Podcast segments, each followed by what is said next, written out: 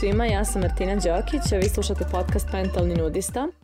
Nalazimo se u epizodi broj 76 i u ovoj epizodi govorit ću malo o teoriji savršenosti, odnosno o tome da ako je nešto nama savršeno, ako nam se čini kao savršeno, bilo da je osoba, bilo da je veza, bilo da je posao, šta god, to znači da ne vidimo cijelu sliku. E pa, uvešću jedan pojam zvani cjelovitost u ovaj razgovor. To e, se može sresti koji je išao na psihoterapiju, možda je negdje naletio na taj izraz od strane svog psihoterapeuta, ali cjelovitost je kada nešto vidimo cjelo, cjelovito, vidimo ga sa svim njegovim stranama, sa svim vrlinama i manama i onda vidimo cijelu sliku. Postoji nešto što se zove cijepanje slike, a to je kada mi vidimo samo jednu stranu neke slike, a ne vidimo drugu. Pa tako se može desiti, na primjer, da kada nas neko naljuti, razočara ili povrijedi, da tada dođe do cijepanja slike gdje mi vidimo samo negativnu stranu te osobe i uvjereni smo da je ona ono bad guy, to je kao najgori lik na svijetu i nema, samo je ta osoba zla i želi nam sve, na, želi nam sve za, najgore.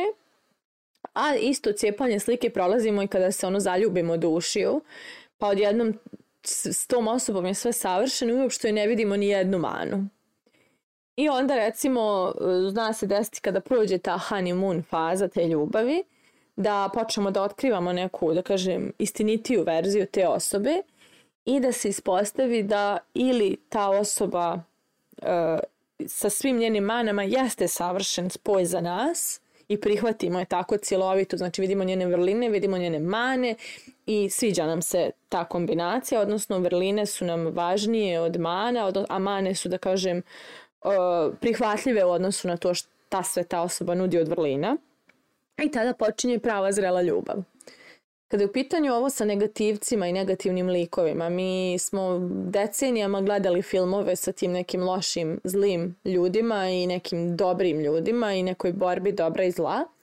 Ali evo, poslednjih godina počela je celovitost da se pravi i sa negativnim likovima E, Joker film je mnogim ljudima pomirio um kada su ga pogledali i shvatili kakva životna priča stoji iza Jokera i počeli su da se identifikuju ili da kažem da, da, se empa, da osjećaju empatiju prema njemu i da shvate njegove postupke koji su se dešavali u ranijim filmovima. Isto je sad i sa Cruella, film Cruella je izašao, Cruella de Vil, koji takođe priča o njenom životu i kako je ona postala takva kakva je postala. I zapravo sve više sada tih nekih i filmova i pravaca koji pokazuju cijelu sliku i uče nas da nema crnog i bijelog, nego da postoji mnogo nijansi između. Ono što, e, što je izazov je što smo malo, sami znate, po, po mrežama i svemu navikli na neke ideje savršenog života i navikli na to da posmatramo tako neke ljude sa savršenom estetikom, savršenim tijelom, savršenom porodicom, savršenom hranom koju spremaju, savršenim putovanjima i tako dalje. I to je često postajalo baš, baš onako izazovno jer kao da je pred nas stavljalo neka očekivanja da i mi sada moramo da budemo savršeni. E, industrija kozmetike je pred žene stavila taj neki, e, i, taj neki ideal kako žena treba da izgleda i recimo ako se osvrnimo u prošlost, šta je nekada bila ženska ljepota, šta je sada, to je bukvalno diametralno suprotno, što nam zapravo govori da je taj, da je ljepota zaista samo stvar toga šta je mainstream, odnosno šta je u javnosti predstavljeno kao, kao lepota i onda svi mi potpadamo po to. Um, sjećam se recimo kad gledamo modu, nešto što smo nekad obožavali da nosimo, sada nam je smiješno i glupo i ne možemo da vjerujemo da smo se nekad tako oblačili, a u stvari samo su mediji, taj mainstream nama nametnuli e, ovo je sad savršeno oblačenje, ovako izgleda osoba koja je u trendu i onda smo mi to tako pratili kao suludi. I suština je, ja znam recimo kroz moj posao, koliko puta uh, ljudi koji rade nešto spoju ličnog razvoja, bilo su treneri, neki edukatori, učitelji, nečega i tako dalje, koliko puta se desi da ljudi u njima vide neko savršenstvo i da ih nekako praktično gledaju kao, kao ne znam nija, kao savršene, kao kao ljude koji sve znaju, kao najmudrije, najposloženije, naj, ono, naj, naj osobe. I zabor, e, e, ta idealizacija često dovodi do velikog razočarenja. I ja sama sam to prošla sa nekim svojim prvim ovaj, ljudima od, kojima, od kojih sam učila, gde sam ih ono, idealizovala, vjerovala u neke njihove savršene živote. Onda kad, i to je bilo jeli, čisto cijepanje slike, a kada je došlo do, do toga da, da vidim njihovu drugu stranu, ja bih se obično ljuto razočarala i čak što više njih krivila što su takvi cjeloviti, a nisam se uopšte okretala ka sebi i govorila da ovo je bila tvoja percepcija te osobe. Ovo nije bila ta osoba.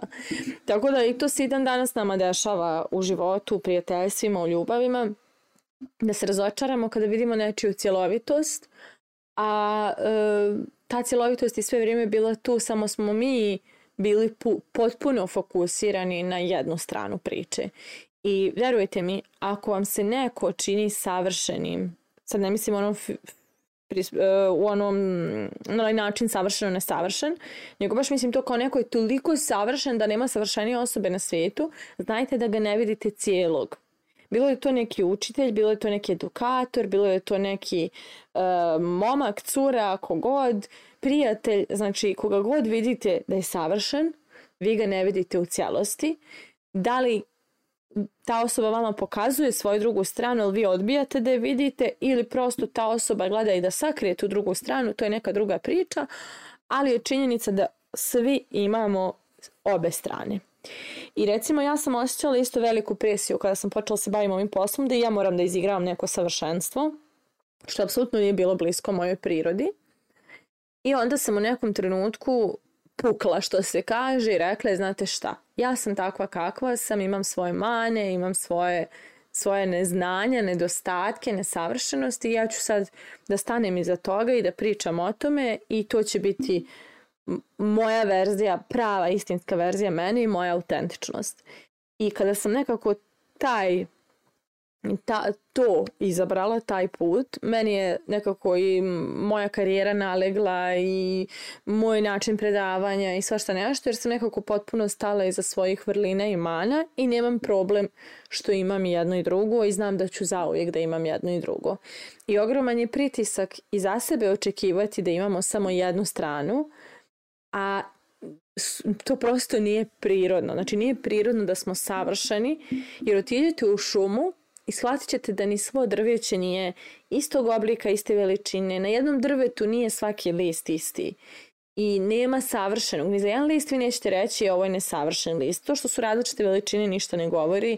To što malo im oblik možda u nekom trenutku drugačiji to ništa ne govori. To što im se boje razlikuju to ništa ne govori jer priroda prosto prihvata različitost i prihvata i jedne i druge strane nas. E, sami znate postoji godišnja doba koja su tmurna, e, onako teška, turobna, a postoje ona vesela, šajni, savršena. I jedna i druga su neophodna, godišnja doba, i jedna i druga donose u prirodi i promjene i preporode i svašta nešto.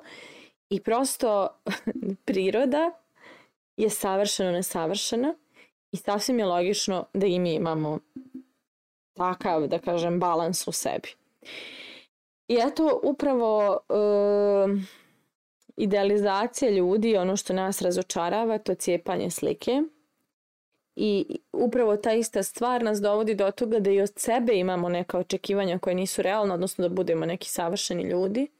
A suština je niti su drugi savršeni, niti smo mi savršeni i koliko god bili dugo na ovom svijetu, koliko god se trudili, radili na sebi, zauvijek će nam nešto još faliti, zauvijek ćemo biti po nečemu još nesavršeni i to je ono što će nas zapravo motivisati da i dalje istražujemo sebe i da prelazimo na neke nove nivoje.